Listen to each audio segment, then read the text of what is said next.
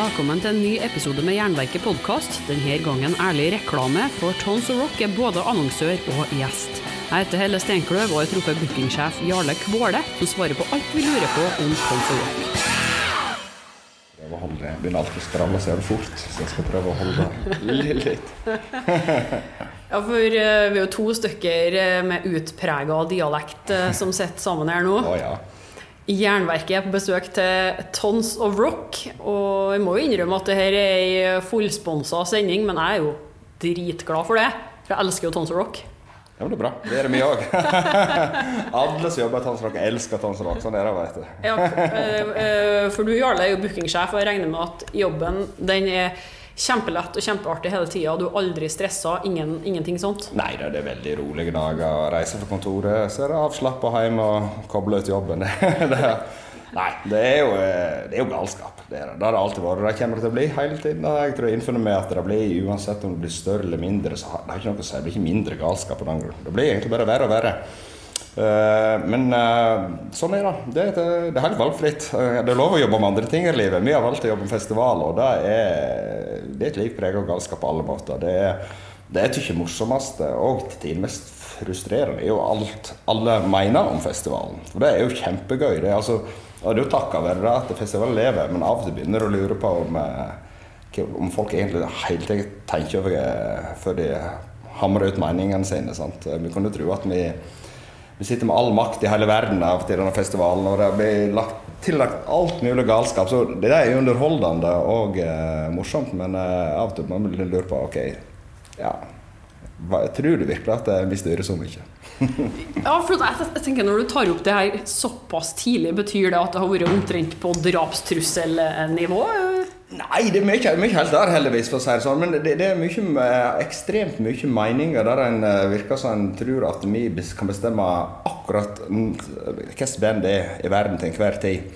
Og et vanvittig raseri over sine band ikke klaffer, men òg andre desto gleden òg, når jeg får å treffe på sånne ting. Og da synes jeg, men så jeg syns at det er det som er morsomt. da. Jeg er vel kanskje litt sånn typen sjøl òg, for å si det slik. Så jeg blir ikke akkurat et nettroll og sitter ikke så aktivt slik, da. Men, men jeg kjenner jeg har jævla mye mening om sånne ting. da. Og jeg ser at det er den eneste plassen jeg greier gjenkjenne at det er jo noen store sportsbegivenheter, fotballkamp og den lidenskapen der. Og litt av det samme der, så En må være utrolig glad egentlig for at det er slik. da. Men det er fascinerende altså, hvor mye folk engasjerer seg. -hmm. Men Tons Rock er jo nå større enn noen gang, og vi aner ikke hvordan det blir. Altså, jeg har vært med helt siden starten, fra første mm. Tons of Rock eh, som ble arrangert i Halden, på festningen der. Ja. Eh, hvor mange publikummere var det den gangen? Nei, Første året da hadde vi vel eh, Da var vi vel ca. 10 000 fordelt på tre dager rundt 10 000 på festivalen i det, eller rett i overkant. Eh, og De første to årene, eller andre året var jo mye det samme. Eh, og så fikk vi en stort vekst eh, med Black Sabbath. da. Så 2016 ble rekordår og ble som det sterkeste året. Da var det 20 000 mann på festningen. Og de to påfølgende årene så var vi jo rett oppunder, så det var tilsvarende størrelse på festivalen. Så Eh, det var jo på en måte Men det kunne vært mer folk på festningen. Eh, sånn, vi var utsolgt på de beste dagene. Da var det klin utsolgt. Eh, der. Men det var også, vi hadde jo ikke headlinere som tilsvarte tre dager med samme trøkket på den festivalen. Det var det ikke. Så det er vel det, det som er nytt av året. Da. Det som skiller mye, er at dagene er relativt jevne. Det blir ja, ja, stort sett like mye folk hver dag. Det er ikke sånne store forskjeller som vi hadde i Halden. da. Og Det gjør jo òg at det uh, litt enklere på en måte å bygge en infrastruktur, noe som skal tilpasses uh, likt over alle dagene. Men det er jo ikke tvil om det har vokst massivt. Ja, for du sier jo at det hadde vært plass til flere folk på festningen, men lell så har de flytta det fra Halden, der mye av det spesielle med festivalen var jo at det lå på den festningen. Og jeg så jo hylinga på sosiale medier med en gang det ble sagt at det var på Ekebergsletta i Oslo, og har ikke Oslo nok? Og, eh, hva var grunnen til at de velga å flytte til en annen by? Nei, det, det, var mange grunner til det. det, ble, det var noe vi så på underveis. Vi følte vel at uh, Vi merka mer og mer at det er vanskelig å få tak i artistene. Vi fikk fantastiske artister til halv, men det var jo ikke lett. for å si det slik. Og vi merka mer at uh, det var vanskelig å greie å trekke de artistene nedover. Vi kunne ikke gjøre produksjonene de ønsket. Uh, vi kunne da òg ha flytta til å gjort om og ikke brukt selve festningen, men reist ned på, på det som heter teltscenen og gjort om sånne ting. Det kunne vært mulig, og vi så på mange løsninger der nede. Men problemet var at vi greide å selge nok billetter til at folk kan reise ned der. For da, hadde ikke holdt på det nivået vi var lenger. Skal du opp artister, så må du trekke det. Da var det få med sponsorer, overnatting, transport, alle de tingene der, som uh, gjorde at vi fant ut at uh, på det nivået vi skulle være videre, så tenkte vi det beste på langsiktig så må vi finne en ny plass til, til festivalen. Og når vi starta for fem år siden, så var jo Ekeberg en av dem vi hadde lyst på, men han var ikke tilgjengelig.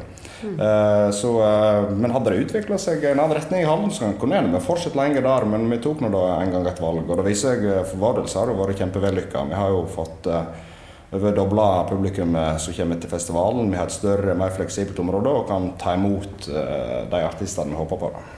Altså Det er en del diva-artister der som ikke hadde orka å komme til hallen, rett og slett.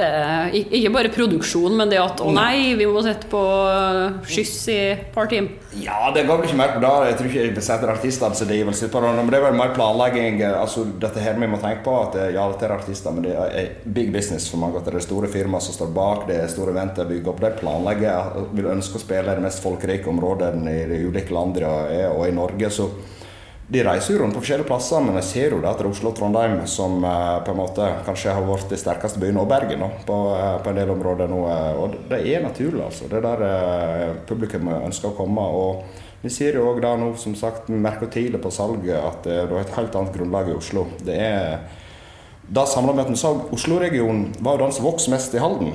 Da var det klart største publikummet publikum vårt i mens vi var Halden. Da var Oslo og det som vokste. Østfold gikk nedover i antall besøkende, mens Oslo var i vekst. Og det var jo et tegn på at eh, det er kanskje der vi lyter der med festivalen vår. Men hva med folk som kommer fra, ja, fra Nordland og nordover? da? Der er det jo lite kjempefestivaler. De har mye lokalt, men du må gjerne reise et stykke. Har det skjedd noe endring eh, på landsdelene nå som festivalen har flytta mer sentralt og er nærmere flyplassen? Vi har hatt vekst i samtlige regioner, unntatt Østfold. Det har vi. Eh, men Østfold er fortsatt veldig godt representert. Men eh, selvsagt Oslo har økt nok helt enormt her inne allerede. Og vi tror òg når veksten blir enda større inn til festivalen, så er det lett for folk å hoppe på i siste liten kontra det var i Halden. Men vi ser, ellers så har det vokst i alle, alle regioner i år. Bortsett fra Trøndelag, da, så har jeg et stort arrangement sjøl, så det er litt naturlig at den ikke har vekst i år. Eh, det, det skjønner vi. Men det som er enda mer interessant, syns vi, er jo at det har vokst betydelig i utlandet. Eh, tidligere så hadde vi Rekorden var på 31 land. og nå Sist vi sjekka, så var det 46 land som har kjøpt billetter til Tons Rock. Og vi ser antall personer som kommer fra de ulike landene er ganske massivt blitt. da. Der tidligere kanskje eh, mange av landene var representert til to eller tre personer, så ser du nå at Russland kommer 40 personer, det kommer 16 stykker fra Panama, det kommer folk fra Vatikanstaten, det kommer fra Sri Lanka. altså Det er en helt enorm spredning. og da det tror jeg òg har å gjøre med at eh, det er lettere for dem å komme seg til Oslo og lage et eget opplegg. Det er noe beregnet slik det Men grunnen til at Trøndelagsregionen ikke vokser, det er jo for at Trondheim Rocks eh, går av stabelen nå. Men eh, det er vel litt sånn samarbeid òg mellom dere to, ikke? så de får artistene hit og fordelt på ja, det er det. har vært klart, De har sittet helt sitt eget opplegg, det har vi som er ikke noe i praktisk, praktisk, samarbeid på ting eller gjennomføring. Men det det går mer på, er jo da vi begynte å booke artister. Eh, og det er sånn at Bare det å få Kiss på avskjedsturneen her er jo en dragkamp av en annen verden. Så jeg tror det kan bli et vanskelig år hvis ikke vi hadde vært eh, sammen om det budet. For det er klart at eh, vi kan legge store bud i Norge og vi kan jobbe beinhardt for Harry, men vi er tross alt et veldig lite land ennå. Det er massive arrangement disse spiller på rundt omkring. Sier en på ting de gjør i resten av Europa, så er det klart det er festivaler med 50 000-80 000 besøkende per dag. Og da er det klart at eh, da, da, må vi være smarte, gode og kreative for å få disse bandene til Norge. Det er absolutt ingen selvfølge at alle ser bandene skal spille i Norge. I den forbindelse har du fått til å møte Kiss òg. Syns jeg så noen bilder fra her. Ja, vi fikk jo en tur over i New York. Vi jo, hadde en stor konkurranse om at vi skulle få med vinner til New York, og vi ble invitert til å komme over der. Så vi reiste over i Medicine Square Garden og fikk se siste gang eh, Kiss i New York, og det var, det var helt episk. Det var Ja. Jeg kjenner jeg blir gåsehud når jeg snakker om det, men det var, nei, det, det var, det Og det er noe med at det det hjemmebane og deres og Circles fansen tar imot i USA. Jeg hadde med ungene mine òg. Altså, det var ingen som fikk sitte på de setene som var der. Altså, alle sto hele tiden. Og det var slikt lydnivå gjennom hele konserten. Altså, fra første tone var slått. Så det er sånn Ja. Det, det, er, ja, det var helt magisk, rett og slett. Men hvordan var det å treffe dem? da? Var det den klassiske 'her har du seks sekunder til å ta bilde og posere', eller fikk du faktisk eh... Nei, det, det, var veldig raskt inn og ut. altså Det var ikke så lenge. Men det var et kjempebra opplegg. De hadde laga tid med egen eh, samling først, og folk fikk sette seg ned og fikk Kiss tacobuffé. og det var Kiss vodka og Kiss drikke. Og det var, altså, det var laget et fint opplegg, så var der, men selve seansen gikk jo rimelig fort. da Men det var nok med at de hadde, de hadde da, da showet hadde de jo helt rekordomsetning på hvor mange som ville møte bandet. Som gjorde at de hadde planlagt lengre tid med det, men de måtte gå litt kjappere. Men jeg har jo sett litt hva de sier andreplasser òg, og de Vi må jo si at Kiss er jo et band som virkelig legger til rette for fansen din. Så kan en vurdere da, om det er en god investering å kjøpe luftgitarstreng. ja, men det er en, de legger opp Jeg tenker Dette er noe opp til fansen, publikummet sjøl. Ønsker du å ha de tingene? Og et band som selger alt ifra luftgitarstrenger til kiste, så sier det seg at det er spekteret er bredt. Men jeg, jeg tror det er det som er underholdende. Det er et band som tør å invitere fansen inn på mye ting, og så er det opp til fansen om de ønsker å være en del av det eller ikke. Deilig å være samler, da. Eh, altså, du går aldri tom for ting å samle på. Nei, det, du bør, skal ikke ha problemer når det gjelder Kiss. Altså. Da, men da sa vi jo noe som de på flere har sett det flere ganger nå. Da, de bruker jo det showpenga virkelig tilbake til fansen. For nå har de investert i et show som er helt absurd. Jeg gleder meg, for jeg så dem eh, i eh, Spektrum for et par år siden nå. Og jeg synes jo, Nå var ikke det det største showet i verden, men sammenligna med hvordan rockeshow er i dag ja.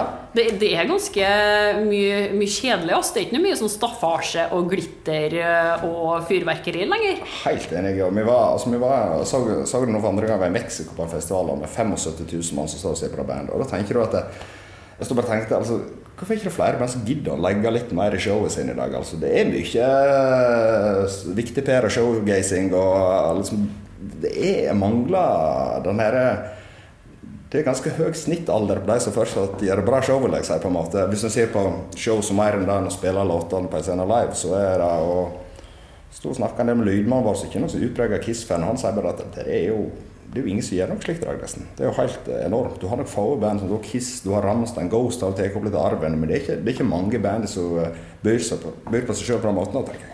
Det koster mye penger. Det, altså, det er jo ikke gratis med å ha med seg en fyr som er ekspert på pyro, eller da? Nei, det gjør ikke det. Men det, er, det er savner den holdningen mye av norske band. Det er ofte at en, skal tåre å investere litt mer i sin egen show. Kanskje det gjør også at flere har lyst til å komme og se det. Og så er det sånn det er mye mentalitet hva som er viktig, og alt, men altså, det er klart at det klart det koster. Men det handler vel ikke alt bare om på en gang. Det handler om å være det band som leverer det feiteste showet. Jeg savner litt den hva si, sportsmanshipen blant uh, band og musikere i dag. Det viser at faen, vi har det tøffeste showet, vi er det råeste bandet, og litt den der, så det, der har vi litt å gå på. Ja, for du Jarle spiller jo sjøl i Vreid. Mm. Hvordan eh, legger dere an på showfronten her? Har du diskutert det med guttene at nå skulle vi kjørt på med et eller annet? Altså? Vi prøver å gjøre det på en del show. Vi, altså, vi har investert i det. Vi, er nok, eh, vi har vel mentaliteten at uh, vi vil heller ha gjort et fett show. Og så får vi heller sitte igjen med lite poeng enn å sitte igjen med pengene der og ruge på. Det er ikke, livet er for kort til det. Altså, vi er blitt mer og mer dreia til å tenke at uh, det skal være en bra opplevelsesårgang for både oss og publikum. Så, men vi har litt å gå på, vi òg. Når vi først er innpå hovedbandene her som topper plakaten, har du Kiss på torsdag. Og så uh, Dropkick Murphys. Uh, fredagen Volbit Slayer og lørdagen Def Leppard og In Flames. Da. Er det hvordan skal Volbit og Def Leppard klare å hoppe etter Kisset Kiss et show? da? Er det noen store planer der, eller? Ja, det virker som det kommer fantastiske produksjoner. og jeg tenker altså For Volbit-fansen så er jo dette det første showet de gjør i uh, lansering av nytt album. Det er nytt, nytt materiale nå. og for særlig, eh, Det visste jo i fjor, med, der de gjorde det største showet noen ganger i Danmark, og et rockeband har gjort der nede, at de kan lage enorme produksjoner. Så at Volby kommer med full maskin, det, det er jeg nå helt sikker på. Og, og det er han. Nå har jeg ikke fått sett det sjøl, men ryktene går om at de gjør jo noe av det største showet de har gjort noen gang. Og hvis en ser tilbake til en del av det de leverte på 80-tallet, så er ikke det småting akkurat. Og er flipper Ja, det, jeg tenker det, det, det blir, eh, det blir eh, full pakke slik som på 80-tallet, håper jeg. Og Ja. det ser enda bedre ut, tenker jeg, altså nå i dag. Håper jeg. Ja, jeg håper at de kjører litt 80-tallsstilen på klesdrakten og sånn òg, for det eh, Nå har jo heldigvis Def Leppard holdt koken omtrent hele tida, men veldig mye av de comeback-bandene De har misforstått det der med metal-moten, så de kommer med sånn svære bukser med lenker på og eh, har på seg tribal-T-skjorter og sånn. Altså, hvor, hvorfor kan du bare ha på deg samme klærne som du hadde i eh, 1985, bare i litt større størrelse? Er det, ja, større størrelse kan, kan være litt av clouet her, tenker jeg. Det, det spørs hvor mange av det ser så egentlig fortsatt greier å komme seg inn i spandexen sin. Men uh, jeg er helt enig. Er, altså, du har, hvis du har hatt en storhetstid, og det er det folk ønsker å se deg, så er det det showet du vil oppleve. og det de fleste band erkjenner vel det. Det er naturlig da, hvis du har hatt en kanonkarriere og så har du møtt en del dårlige år, så, eh, så har du på en måte to valg, tenker jeg. Det er enten å, være, å akseptere at du er blitt et mye mindre band og så levere deretter, eller så må du kjøre på det, band, det folk vil ha. Det er enkelt og greit å stå og spille en konsert eh, med masse låter og folk er helt uinteressert i det. Det er jo ikke noe poeng for noen, egentlig. Nei, det er stor fallhøyde der, altså. Og jeg vet jo, jeg skal ikke kalle det fallhøyde, da, men i fjor så sto jo Slayer-fansen og skrek, for det var siste konserten på norsk jord eh, var det reklamert med. De skulle ikke ja. Da var det det. Det, og de trodde du aldri skulle få se dem igjen her til lands. Og nei, nå har jeg kjøpt den siste billetten til turneen, og sånn, og så kommer det fra Tons Rock. Slayer, da er tilbake. Men nå skal han spille siste konsert. Ja, det, altså, vi, vi, vi fikk jo booka Slayer ganske seint i prosessen. da. Jeg Det gikk inn selvsagt i den prosessen og kikka hva som var reklamert. Det var vel siste konsert i Oslo Spektrum, så sto vel ikke siste konsert på norsk jord. så Og det var såpass smart, ja. Om det var bevisst eller ikke, jeg vet ikke. Det, vi, vi, men vi var ikke i dialog med Slayer før det nærma seg veldig. da, Så jeg tror vel kanskje de òg egentlig hadde tenkt at det var siste runde. Men vi skulle jo gjøre festival, altså det var åpna for bud, det visste en jo eh, sånn sett. da. Men uh, vi kom seint på banen der. Så, men uh, det er klart, en ser jo på de turneene gjennom det. De blir lengre og lengre avskjedsturneene, og det er det. Men Slayer har vel vært ganske klare på å bruke dette her maksimalt. Men òg vært, sier jeg at ok, dette er den siste USA-turneen, dette er den siste gang vi er der, det siste gang vi er der, og nå er det jo siste runde. Jeg tror ikke vi jeg, jeg, jeg, tror faktisk helt seriøst at vi aldri kommer til å se Slayer igjen på turné. Om det kan komme et eller annet enkeltshow eller en gjenforening en eller annen spesiell plass, eller noe, godt rom, men jeg tror ikke vi ser igjen så aktivt turnéband. Det er nesten helt overbevist om. Det var helsemessige årsaker og Ja. sånt der, da, men eh, Der har vel bandet tenkt på det over lengre periode, at det nærmer seg eh, slutten av som aktivt band og livekarrieren der. Altså det. Men de går jo ut med et smell, for å si det slik. De leverer jo fantastiske show eh, nå den dag i dag. og Hvis vi møter opp sånn som rock og tenker at nja, ikke så når jeg ser Slayer igjen, da tenker jeg. Da er vi egentlig på feil plass.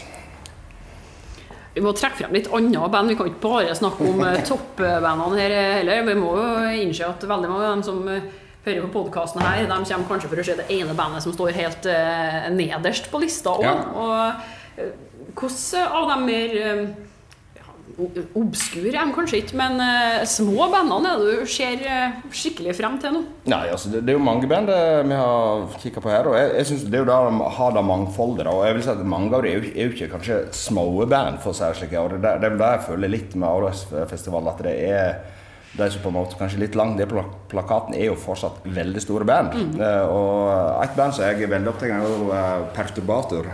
fransk band som virkelig har gjør noe helt eget. Så det på Parkteatret. Jeg syns det var dritbra altså på alle måter. Jeg synes det var helt strålende. Og det er liksom morsomt band å trekke fram. De, gjør, de har en helt ny setting. Og, men ser det ut, det er et band som allerede selger 600-700 billetter i snitt ut i Europa, så det er jo ikke et lite band. Og når du kan selge Parkteatret, så på norsk målestokk så vil jeg, da er du ganske langt fra undergrunn, for å si det slik. Da er det jo noe som har begynt å bevege seg ut i massene. Så, eh, men eh, vi har andre ting som sier som Black Viper som kommer. Kåra på til årets album en viss plass i fjor. Stemmer det, på Jernverket du Da, får det. da, må vi bare booke det. Det var ikke noe klart. Vi følger Jernverket sin anbefaling. Så da. Nei, men vi prøver å plukke opp band hele tiden, og spesielt Oslo. da, tenker vi er viktig for oss å få med. og da eh, hvis en ser en, Det er en rød tråd gjennom programmet i år med at eh, vi har eh, Brorparten av norske bandet er Oslo-baserte. Oslo er en fantastisk eh, kulturby blitt på mange måter. Det har Sammenlignet med København og Stockholm, og slik, så er det jo mye mer konserter og mer aktiviteter hele tiden. Alt fra helt smått til de store tingene. Og, men vi tror mye av dette kommer jo i historikken til det norske bandet. da. Det, er det kommer ikke av seg sjøl. Klart Mange av bandene kanskje er fra andre plasser, men det har blitt et miljø gjennom Oslo gjennom 20-30 år. Hvis du ser fra al- altså Raga Rockers, til de starta og drev tilbake, til du ser til Glucifer, til hele black metal-bølga kom med, med Mayhem og representert med de og Satyricon eksempel, i år hos oss. da. Så har du seinere nye mainstream norske rockeband som Oslo S som har skapt sitt eget publikum. da. Og så ser en til i dag band mer som Black Viper f.eks. For oss har det blitt litt viktig å vise fram. For det er liksom, jeg føler av og til også at en, en i Oslo så Ja, jeg skal ikke skryte for mye av Oslo, liksom, som rockeby, men Oslo er jo virkelig en internasjonal rockeby der folk fra hele verden kommer fra. Og de kan jeg skrive under sjøl på så mye jeg har reist rundt omkring, at de, de bryr ikke seg om det er fra Oslo, Bergen, Sogndal, Trondheim eller hva det skulle være. Det er helt irrelevant for dem. Så det at vi på en måte er veldig stolt at vi har en eh, rockenasjon og symbolisert med Oslo, da slår jeg for Tons Rock et slag for det. Jeg ser jo at um, Du nevnte Rager Rockers og Glucifer her, og det er jo ordentlige representanter for uh, hva skal vi si, Scandi-rocken og sånn, og der uh, Kjenner det vel en, en del uh, nye folk gjennom òg, kanskje? Ja, det tror jeg. Jeg tror absolutt. Og det som Glucifer og gjøre, har et fantastisk comeback. Solgte vel ut fire sentrumsscener, tror jeg det var på når de gjorde i Oslo nå. Ja, For de skulle jo heller aldri tilbake, Nei, det egentlig. er som de løger med det. Så ser jeg vel andre band og så tenker at se, den gjengen kommer tilbake. Da kan ikke vi bare sitte her med det. Jeg er helt sikker på et så visst sånn konkurranseinstinkt som slår inn av gamle rockere når de ser, ser at vi skal jaggu tilbake og vise at de er så best likevel. Og nå blir det første gang de gjør en festival i Oslo på 15 år, så klart at det, da trekker et nytt publikum. Det er ikke tvil om det. Men, eh, men akkurat da har vi sett tidlig på Tons Rock. Da. I 2015 så var det jo Twisted siste som var headliner, og var Mayhem spilte, og DumDum Boys samme året. Og da er jo sjelden du ser de tre bandene samla på festival, for å si det slik. Eh, men da, merker vi til at det er noe som funker, og da tror jeg er noe av med Tons Rock at vi er ikke en, en definert sjangerfestival. Her ønsker du å Jeg tror veldig mange kommer til å gå på Glucifer Glucifers konsert her som på en måte kanskje ikke hadde sett dem, aldri sett dem før, men de er interessert i å sjekke ut det hos oss på samme måte så at uh, rockefansen sjekker ut litt mer ekstreme ting. eh, og jeg tror det gjør også at folk orker å være lenger inne på festivalområdet enn hvis det hadde vært mer én type sjangerfestivaler. Ja, jeg syns det er en deilig variasjon sjøl. Altså, jeg har jo på alle slags festivaler, fra store til små, og veldig sjangerspesifikke og mer breie. Og fellesnevneren på dem som er ekstremt sjangerspesifikk, er jo at uansett hvor godt du liker bandet, så blir du klar i ørene etter hvert. Ja, jeg gjør det. Jeg er helt enig. Jeg, som jeg har jo en eh, enorm forkjærlighet for black metal, har hatt hele livet mitt, og det er jo der lidenskapen min ligger. Men det jeg må innrømme at når jeg er mye på festivaler i den type sjanger, og, gjennom så det, det blir vanskeligere å finne gleden i en del av konsertene etter hvert. For når du er på tolvte bandet som ligger innenfor noenlunde samme segmentet, så er det litt vanskelig. Det, det er ikke noe galt med bandet nødvendigvis, men du blir bare sliten på samme inntrykk om automater. Det er Deilig at en kan hoppe mellom Possessed og Conception og Raga Rockers da, på samme dag. Ja, jeg, jeg personlig syns det er jo helt fantastisk. Og det er jo derfor jeg syns det er så moro med festivaler. og Det er akkurat det å prøve å være med og sette sammen dette programmet og ha den der eh, ting, det, det er ting du aldri tror du skal rekke å oppleve innen et par timer. Eh, Det er litt sånn, eh, klart, Vi setter vel standard rimelig høyt når vi putter en vaselina i hallen, og eh, den er vel vanskelig å etterfølge. Men ja, vi får se neste år kommer jeg noe enda serere. Ja, Jeg ser jo at Black Debate er på lista igjen. Jeg tenkte jo at hm, ja, kommer de i år nå som det er flytta, men vi de, slipper ikke unna, rett og slett. Det, vi har ikke noe valg. det er husband bli blitt Ja, det. ja da. Det, de, de styrer oss mer enn vi styrer dem. Og låt om Tons Rock har jo blitt. Det er jo det. Nei, det er klart det, det er jo et Jeg blitt synonymt med festivalen. Sant? Det var, det var de som åpna første festivalen. Eh, Det var de, de som avslutta festivalen i Halden. Det er de som kommer til å åpne Tons Rock i Oslo igjen. Så klart, eh, ja. De er våre egne little gatekeepers. Han skal faktisk spille i Runkeparken på Ekeberg, da. Ja, det var forutsatt tid, de visste det. Hva som kom til å skje der oppe. Så det har nok vært en lengre plan for å sirkle seg inn til runkestien sin, tenker jeg. Så. Det er gjeng, altså.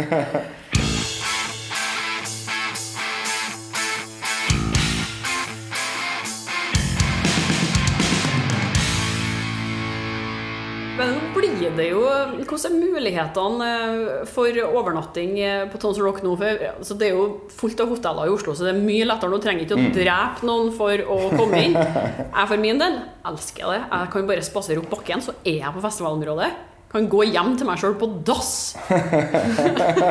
Slippe stykket. Det blir kanskje kø hjemme hos deg nå, da, folk som skal på dass. Men... ikke, ikke si hvor jeg bor.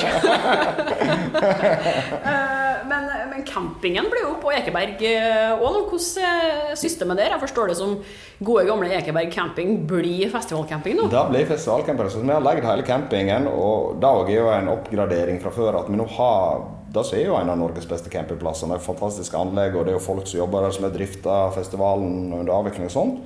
Men det er jo stengt for vanlige campere. Vi fant jo valuta liksom at uh, mye av klientellet der er jo kanskje folk som kommer med Kiel-ferja og inn i alder til 60-80 år og så skal videre neste dag, så det er vel ikke helt det vi skal putte i lag med våre, våre folk der oppe, for å si det sånn. Så vi lagde hele festivalen, men da var jeg litt spent når vi gjorde det. For liksom flytta til Oslo, formere campingkulturen, er det greier. Så tenker folk altså her er jo masse hotell, kjenner folk, jeg bor her, jeg slipper å stresse med det. Men festivalkampen er solgt helt fantastisk. Nå er vel så å si utsolgt. Det er ja, nå er det vel kun noe telt igjen som er mulig å oppdrive der oppe. Så, men det er, jo, det er jo noe med festivalkulturen, da.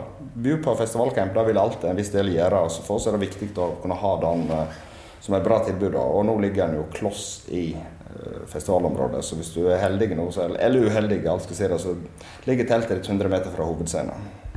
Man er jo forberedt på mulig dårlig vær her nå. Nå er nå billettene solgt, så det er ikke så mye folk kan gjøre. men hva slags eh, plan har Tons Rock hvis det skulle bli tre dager med styrtregn? Hva gjør de da for å få, få folk til å trives? Nei, Da har vi bygd en sånn enorm dom som vi trekker over så da, regn blir ikke noe problem. Nei, det, det, vet vi, det kan ikke vi gardere oss mot. Så det er jo den store X-faktoren med festival. Vi sa i fjor hadde vi jo en horribel dårlig andre dag, torsdagen der, og delvis dårlig fredag når det styrtregna ned. Og klart det er bittert, sånn som i fjor, når du hadde tidenes norske sommer og to dager med ganske grusomt vær og ni grader. Da, da var ikke noe stas. Men dette da veit en alder, så, men jeg hadde litt uflaks i fjor, så er det stangen i år, håper vi. Ja, jeg håper det, jeg òg. For det var kaldt i fjor, ass. Ja, det var superkaldt der oppe. Det var bikkjekaldt i tider. Men, men det, jeg tenker, men Folk er jo med, da. Folk, altså, folk har betalt og skal på festival, og alt der, så, så du vil jo ha den opplevelsen best mulig. Da, sant? Og klart at det, det blir jo mer utrivelig i regn og alt det der, men jeg er imponert over godt folk holder spiriten oppe uansett. Og det er noe med å tenke Du har planlagt disse dagene, du er klar, du er for å være der. Det er liksom alternativet å stikke og ikke være der. Det tror jeg de fleste ikke vil. De, de er klar. Når episoden her kommer ut, så er det jo bare noen få uker igjen til festival. Hvordan eh, legger det an på billettfronten? Får du tak i dagspass og eh, tredagers fortsatt, eller? Ja, nå begynner det å tynnes veldig her. Og nå er det jo eh, festivalpasset er jo slik at det er solgt snart ja, 90% av det er solgt. Eh, ut med, og enda mer kanskje nå eh, etter ute. Eh, og nå begynner det å bli lite dagspass på torsdagen, så eh, jeg tror folk skal få opp farten her. Altså, for det, En del ting kan bli og kommer til å bli utsolgt. Og ser vi på en del mindre kategorier, så har det allerede gått. Så uh, det blir rimelig fullt der oppe i år. Jeg så det at uh, de, ja, det er jo 18-årsgrense på festivalen mm. sånn uh, generelt, og vanlige regler for ledsagerbevis og sånt. Men mm.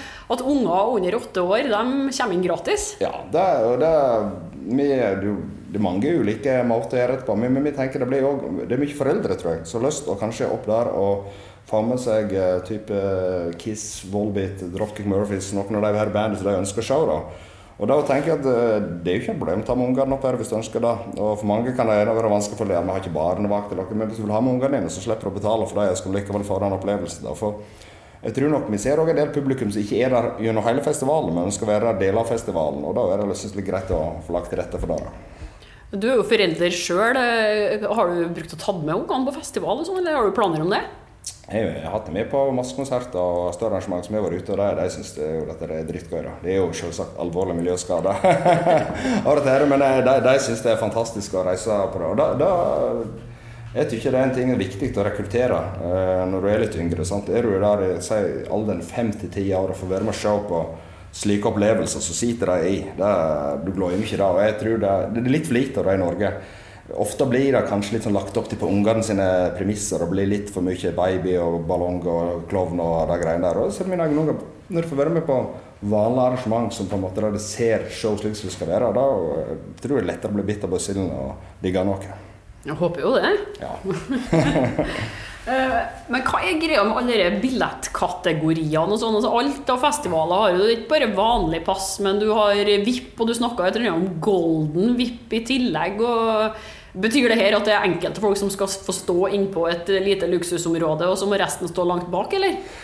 Ja, det det klart, vil du betale mer, så får du eh, tilgang på flere ting. Nå har Vi prøvd, vi har alltid hatt VIP-billetter, og det har vært kjempepopulært. Nå, eh, og vi ser år, det er vel den kategorien som har vokst mest, er det vanlige VIP-salget. Folk vil ha tilgang. Da vil du si at du eh, får et eget område, det er litt mindre køer kan være, du har litt mer utvalg og litt mer områder som slappe av på i tillegg. da. Og så har vi prøvd Golden Week, der du har enda flere muligheter, og det har blitt kjempepopulært. Men dette er ikke noe vi har funnet på. Dette er ikke noe, skal ikke vi ta æra for å være geniale oppfinnere. Dette ser en på mange arrangement rundt omkring. Og vi tenker vi prøver hele tiden å utvide tilbudet på festivalen. Og så er det litt opp til Ser vi ting som funker, så utvider vi det eller kjører videre. Er det ting som publikum ikke er interessert i, så er det bare å avslutte det neste år. Men uh, det sier nesten alltid vi prøver å si, gi mer tilbud og, eller annen type merchandise eller finne på nye ting som gjør at det, det, er noe folk er interessert i. Og Da syns jeg det er egentlig helt rett og viktig oss som festival å være med og på en måte legge til rette for det. Vi setter jo et lagerrom her nå der det er fullt av tons of rock-effekter. Du kanskje si litt om hva det er folk kan eh, kjøpe seg i år. Da. Jeg ser nå i hvert fall at uh, mengden størrelser den er god men det ser ut som det er ganske du kan jo ha hele garderoben din med Tons Rock Cry hvis du vil her nå.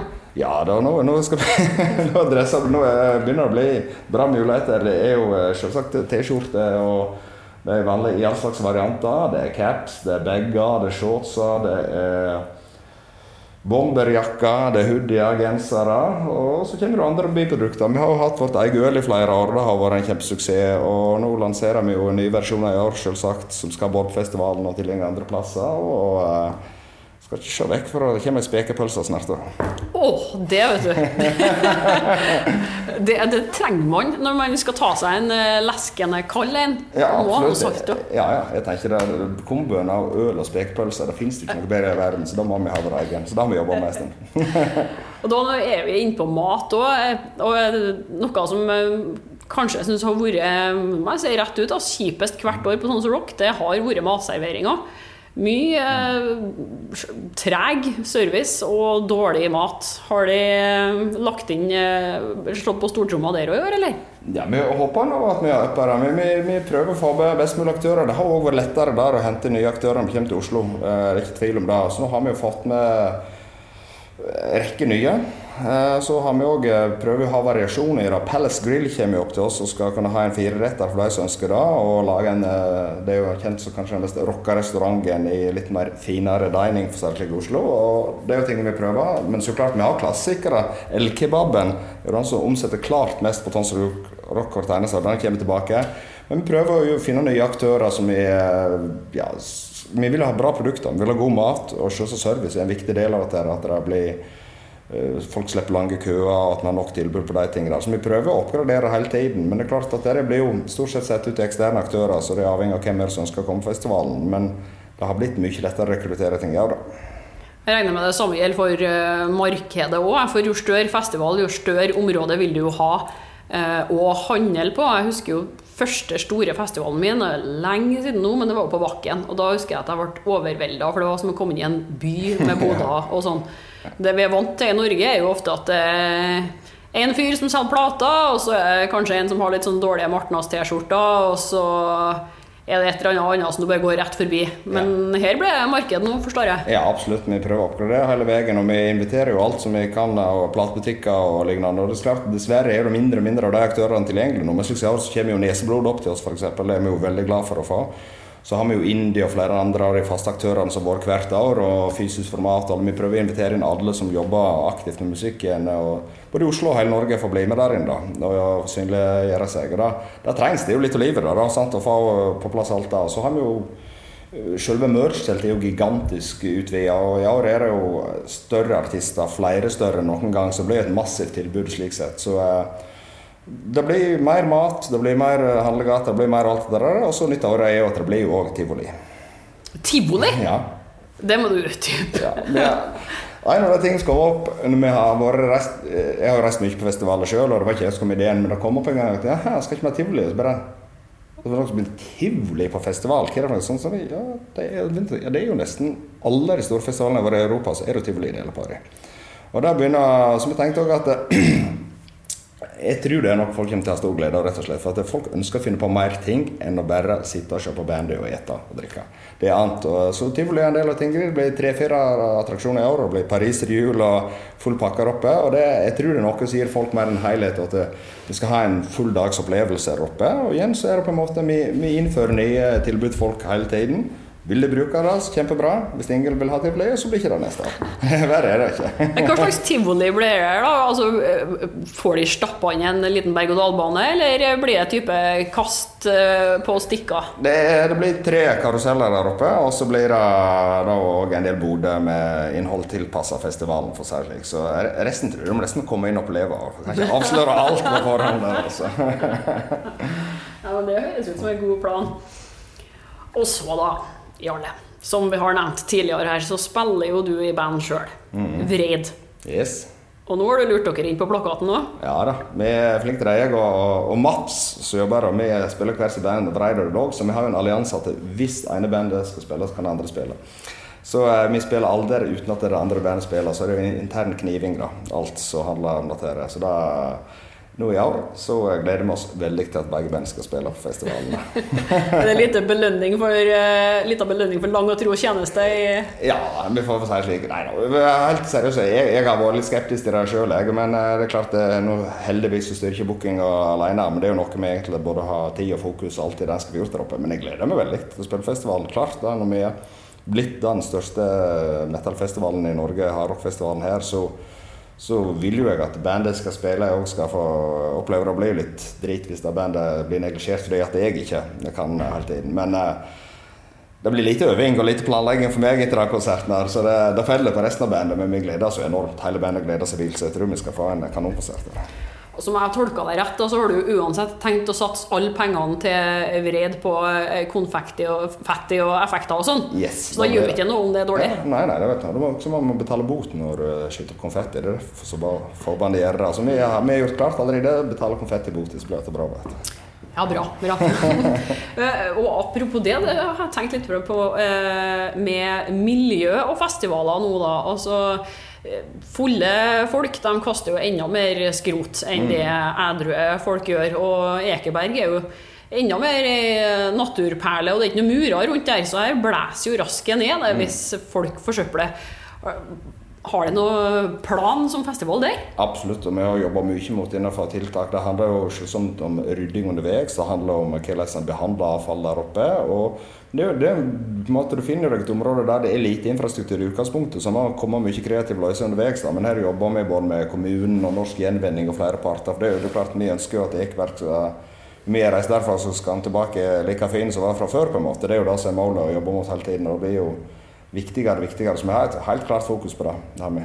Mm -hmm. Så det er en diskusjon som har eh, blomstra opp de eh, siste årene. Eh, sjøl så har jeg egentlig ikke tenkt så mye over det, sjøl om jeg sikkert burde, for det er en kjønna diskusjon. Mm. Og det er det med kjønnsfordelinga på festivaler. Og mm. det er jo kjensgjerning at særlig innenfor metallen mm. så er det ikke sånn at du kan bruke 50-50 og være skråsikker på at det blir 50 bra band fra begge leirer. Ja. Rocken litt mer. Mm. Hvordan eh, altså, tenker Tons Rock på det her? Og er de bekymra for eh, omtalen i media når det legges ut eh, klager på Nei, ikke, ikke bekymra for omtalen, men tenker på det. Ja, det er en ting som vi egentlig har diskutert hvert av. Men det er jo en forsvinnende liten del damer som spiller uh, hardrock og metal. Så jeg har slitt med rocken, men ser på metallen, så er det utrolig lite. Vi hadde så diskuterte det faktisk på turné sist. Det var bare noen som kan komme på to eller tre profilerte, kjente kvinnelige trommeslagere som de fleste i verden vet hvem er. Og da, eh, da ble det ganske stilt rundt bordet. altså.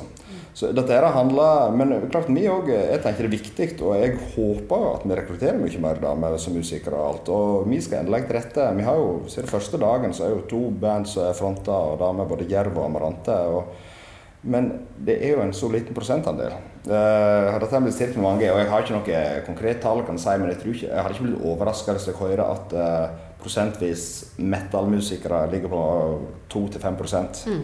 uh, Da tror jeg kanskje er noe realiteten der en plass. for å si slik. Uh, men vi skal gjerne legge til rette hvis vi har rette bandy. Men jeg syns òg det blir feil å skulle kunne tenker at det, det, må først og fremst være en balanse. Her handler det òg om hva er, altså det er kvaliteten, kunsten, hva selger eh, og kommersielt. Det er de tingene som brutalt betyr noe. Og det er jo det en må vurdere på, ikke først og fremst kjønn, tenker jeg altså.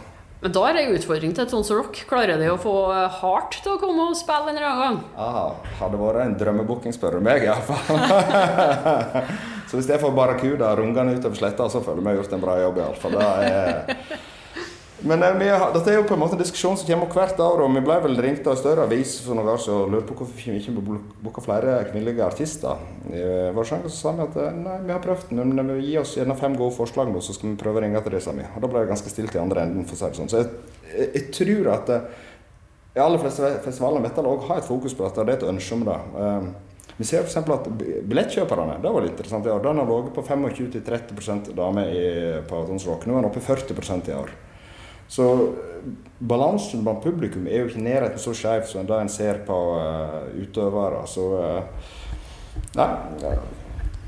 Tips er du jente i dag, så start rockeband. Det tror jeg Metalband det trenger vi. Spesielt trommis. Da kommer du langt. Ja, da får du spillejobber. Og så eh, prøv å ikke tenke på at du er booka bare for at du er dame. Prøv å tenke på at ja, men vi er så gode, vi, at det er derfor. Det er jo ingen grunn til at en dame ikke skal bli minst like god som en mann. Nei, det er ingen grunn. Det, det finnes ingen grunn til at det ikke skal være Dette handler bare om eh, tradisjon, roller, og forventninger, miljøet For seg, rett og slett. Så, Antall personer. Rett. Ja, ja.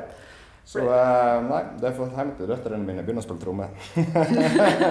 ja, hva gjør du for å presse dem inn i bransjen nå? Nei, det, det blir ikke en bransje. Jeg har lyst til å presse, presse inn i da, De skal ikke bli fotballspillere, de skal bli trommiser og leve ja, ja, ja, Kun metal-trommiser. Derfor har jeg bygd eget studio, så de får sitte og øve hver dag. Det, det, det er veien òg. Trenger hjelp å presse til noe som helst. for å si det sånn. Tar du med på konserter, så kan det hende du får lyst, tenker jeg. Ja, ja. Det, er vel, det er vel det vi er nødt til å gjøre.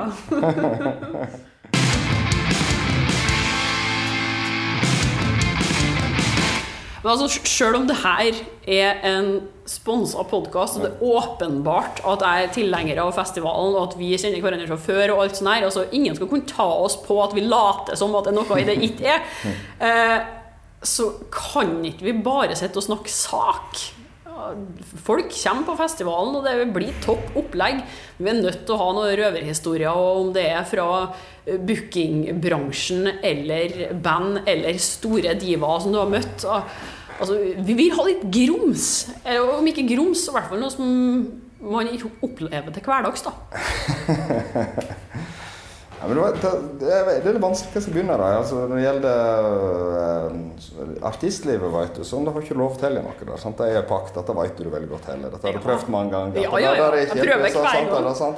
Men det, det, er jo der det kanskje letteste. da, Minst sjanse for å bli saksøkt. Mer profesjonell, da er det jo har du den rollen. det er derfor du må snakke om deg sjøl, vet du. Ja, nei... Uh, hva skal jeg begynne da? Det, jeg vil si at det, det finnes i hvert fall land som jobber mye hardere enn norske. er blitt opptegningsfelt. Jeg liker å sitte og kjefte litt på norske band. For at da, vi er så uh, Vi er påstandige på at vi vi er verdens beste metalnasjon, og det er vi jo, hvis vi ser på kvalitet. Men uh, jeg, Men det er en arbeidsmoral vi mangler. vet du. Ser du på polske, finske og svenske band òg, ikke minst, så er det en helt annen arbeidsmoral. og Da tror jeg vi må få i gang i Norge. Og så er det en vilje til å stå på å gjøre litt mer bandittinnstilling til ting enn i Norge. Vi er så, litt sånn Jeg har snakket om jenter, men jeg syns hele Norge er litt preget av litt sånn flik-pike-syndromet når vi reiser ut. Og da gjelder det voksne menn på turné, for seg sånn. Så der, eh, men jeg har som sagt vært med en del finske band opp gjennom åra. Det var ikke noe siste turnering, men jeg kan nevne at eh, ser de har en veldig avslappa holdning til at er vi på livet, så er vi, da lever lever mye mer som rockestjerne, norske band. da. Men det er ikke alltid det er så glamorøst. da. Som vi reiste på turné med et band, så eh, kom vi inn og fant fire, svensk, nei, fire finske menn sittende nakne inne i uh, turnébussen der. Så ble det jo litt sånn ok, du kommer, ferdig dusja, skriver vennen, gleder deg ut, setter deg i bussen, tar deg et glass vin eller to kanskje, og så legger deg. Det ofte, ofte er ikke det mer hardcore enn det, for å si det slik. Når det sitter fire finske menn mått nakne inne i loungen, så blir det litt sånn i helsike er dette nå, liksom? Det blir en bra kveld, liksom. Da, men da spilte du finsk klesbok. Da. Og det er jo et ganske nydelig enkelt konsept. Da starter du naken, og så kler du på deg underveis. Men uh, det er klart, vi ja, fire finske nakne menn, det, det det er ikke det akkurat jeg trenger inn i bussen. for seg. Finner nå et avslappa forhold til kropp, vet du. Det har jeg. Det skal jeg ha. Så, uh, men kanskje vi prøver det. Ny aktivitet på Tons Rock. Mm, hvorfor ikke? Ja. Nudist... Uh, Nudist-avdeling. Nudist, VIP-nudist! Ja, ja. VIP-nudist. Der. tror jeg ja, ja. Kanskje Tyskland har det? Ja, ja, ja kanskje. VIP-nudist på festivalen, det tror jeg vi innfører neste år. Så skal det jo ikke være at Hvis folk ikke vil kjøpe billett, så blir ikke det året etterpå. Så Nei, da tror jeg vi har første kategorien for 2020 klar. Ja, topp. Mm. Men du sjøl som artist, da, har du hatt noen eh, artige opplevelser med dine egne fans? Der du bare har blitt litt sånn OK, wow, jeg er faktisk musiker, og de vet hvem jeg er? Ja, da fikk vi faktisk når vi var i Mexico sist. Da ble vi jo egentlig ja, det ble jo helt ut. for Vi glemmer jo dette, eh, heldigvis. tenker jeg. For ja, Det er jo en, det må jeg få innrømme at det er en del av det å spille band som jeg syns er litt rart vanskeligst at folk kommer hit da, eh, og skal snakke mye med oss. Så skjønner jeg når det har vært spilt konserten og etterpå, så er det greit nok. Sånt. Men når vi kom i Mexico nå, så kom vi og hadde vært mye på reise og landa. Trommisen ble stoppa i tollen og vi sto for kava utfor. Og vi herfra? Og når vi da kommer ut, så blir det bare angrepet. Folk kaster seg over deg på flyplassen, skulle ta bilde, signert alt mulig. Så plutselig kommer arrangøren hit med fem vakter som står i ring rundt deg. Og da var det, er ikke hverdags for oss, for å si det slik. Så det, det, var en helt intens opplevelse. Da, da kjente jeg på at det, det var fascinerende, men dette er noe dette kan ikke være en bra ting. Å leve slik, det, det appellerte ikke i det hele tatt, for å si det sånn. Så, eh, men der var det på en helt annen måte. Vi prøvde òg å gå litt ut på festivalområdet i Mexico. Sånn, Det blir rent ned folk hele tiden. Det, og, og det, det, er jo positive. De, de vil ta bilder, det er bra stemning, alt dette, men det må være jeg skjønner godt at eh, mange steder skal være litt skjerma, for dette hadde ikke jeg holdt ut lenge. Nei, I Norge så får du jo gå i fred stort sett uansett hvor kjent du er. Ja, det tror jeg de aller fleste gjør. Du får ikke den der, og Vi har jo ikke den oppsøkende kulturen til folk. Vi er jo veldig sånn sky, men vi, vi ser på Var ikke han der som begynner med å hviske tiska litt, og så peker vi på han. Det, det er mye, da. Egentlig heldigvis, vil jeg si. Det må være ganske slitsomt å gå rundt og bli nedrent hele tiden. Jeg fikk jeg var Joey Tempest fra Europe som fortalte her når jeg møtte han på Tonsor Rock for en ja. del år tilbake.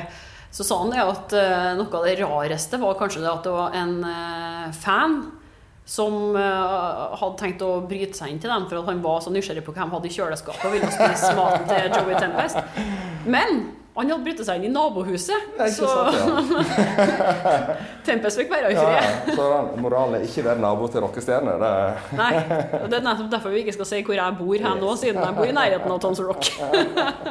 Tror jeg må gå med maske, så ikke folk følger etter og skal låne dassen. ja, nei, det det er, mye spennende. Men vi har sant, og du får mye fine presanger og sånt. Også. Vi vært med Kampfar de fikk jo et eh, utstopp ekorn og sånt. Det er jo klart at når du er på turnébuss og gjerne savner de hjemme, eller hvis du har familie, og sånt, så får du et ekorn utstopp å ha med i turnébunken din. Så gjør det livet litt enklere. Så det, det kan være koselige ting til og det er én ting vi har glemt av, og det er jo eh, operaen. Accept. Yes. How could we forget? Det er altså, Ja. For det skjer før festivalen, egentlig. Dagen yes. før. Da åpner det dagen før. Da er det rett og slett Accept.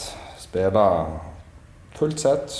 Alt ifra Åpner vel med litt nye låter til alle gamle klassikerne med Kringkastingsorkesteret i operasalen. Så det er akkurat det, Hvis noen fortalte meg for ti år siden at Accept skal spille opera med KORK, så tenkte jeg jeg så ikke helt den komme. Så, eh, men vi fikk Vi gikk rett på operaen, Munchmuseet og en del andre ganske tidlig da vi flyttet til Oslo. Så jeg eh, hei, nå er vi kommet til Oslo, har lyst til skal finne på noe morsomt. Og de var veldig positive umiddelbart. Så vi har jo egentlig fått frie tøyler. De har på en måte lagt til rette og disponerer huset og ønsker å være med og gå ut mot det. Så er det vi som har fått velge ut bandet, noe de legger ikke seg opp i noe. De har jo en godkjenning på hvem vi kommer med, for å si det slik. da. Men eh, vi tenkte òg at eh, vi, vi hadde mange, man, mange aktuelle band, men uh, det var noe med at jeg føler Accept er vel liksom en av, Hvis jeg tenker liksom, hva assosierer jeg med heavy metal, så er vel en av navnene som kommer først opp. og da vi hadde ikke lyst til å lage noe som var for tilpassa til han. men så her er jo litt fint å spille operaen, eller de passer til den her. Eksept passer vel i utgangspunktet ikke egentlig til å spille operaen, det er ikke noe som tilsier det. Men uh, nå gjør de den der, og de har et spesielt show gående der de bruker symfoniorkester, så KORK stilte opp, så tenker at da, da, ja, det kommer til å bli helt weird.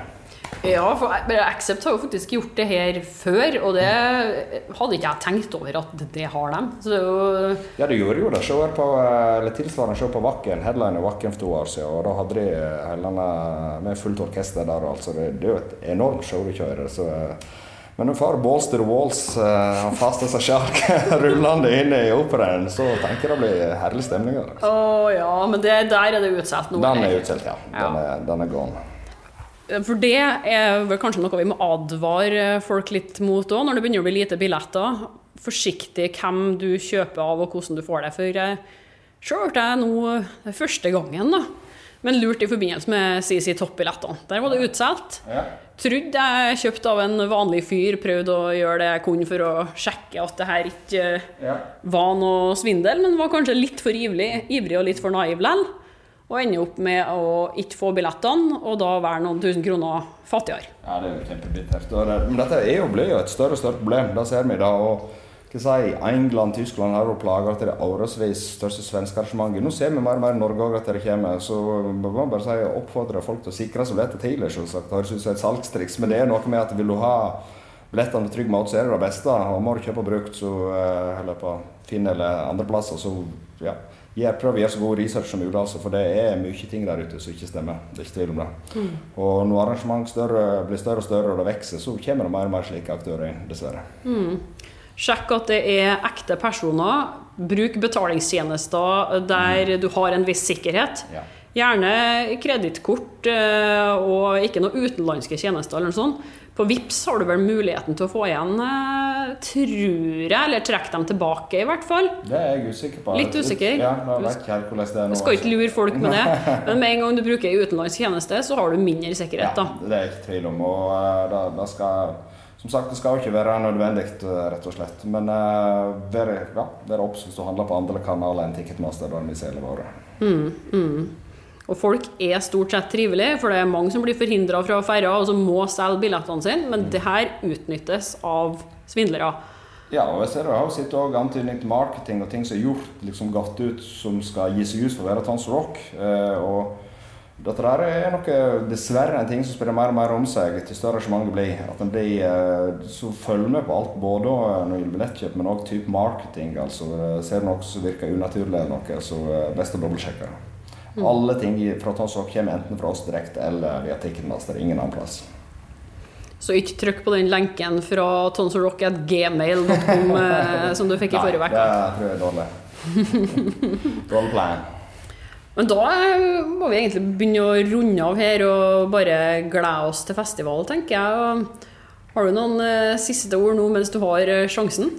Nei, Vi håper folk får en fantastisk helg der oppe. Det, det er jeg overbevist om at det kommer til å gjøre, og vi gleder oss noe helt vanvittig. Du må tenke, Det er jo veldig spennende for oss i år òg. Vi har sittet nå i snart et års tid og tegna og planlagt og bytt og att og fram på den arenaen som skal bli så optimal som mulig. Nå har vi landa på noe, og så kommer vi nok til å sitte i september og tenke at nja, da gjør vi slik til neste år. For no, noe vil det alltid være, men jeg føler vi har vel aldri har vel en festival vært så godt planlagt som i år. Så nå håper vi at det blir en kanonopplevelse på Ekeberg. Og eh, ja, jeg vet ikke, jeg. Aller, helt, helt til slutt, hvilket band er du gleder deg aller mest til å se? Personlig, privat? Helt personlig privat? Ja, nei, det er jo eh, Nei, det, det, det er ikke så Slayer. Det det. Kiss har jeg sett to ganger, som sa, sa Noel, som likevel er det, det er det største for meg. Barndomsheltene og Slayer er det band som betydde mest for meg musikalsk. Så at det er siste gang det er sånn Jeg kommer nok til å reise sjøl en annen plass etterpå. Jeg får ikke nok der. Altså, jeg må bare få det med siste gang. Så eh, det er mange andre band som jeg gleder meg veldig til, men det blir veldig spesielt med de to. Det er det. Takk eh, for tida di, Jarle. Vi snakkes om kort tid. Tons Rock 27. til 29. juni. Yes. Og, Og accept, 26. i opera. og 60. Accept i operaen, ja. Mhm. Så her er det bare å skynde seg og sikre seg billett, unngå svindel. Eventuelt eh, finne seg et utsiktspunkt oppe i skauen og i hvert fall få med seg lyden av festivalen. da. kommer kommer til å røve hele Oslo. ja. Du har hørt et intervju med Jarle Kvåle, bookingsjef i Tons of Rock og annonsør i denne episoden av Jernverket podkast. Neste uke får vi en kort prat med Phil Campbell. Det er ikke bestandig det går som en ønsker når en møter store stjerner.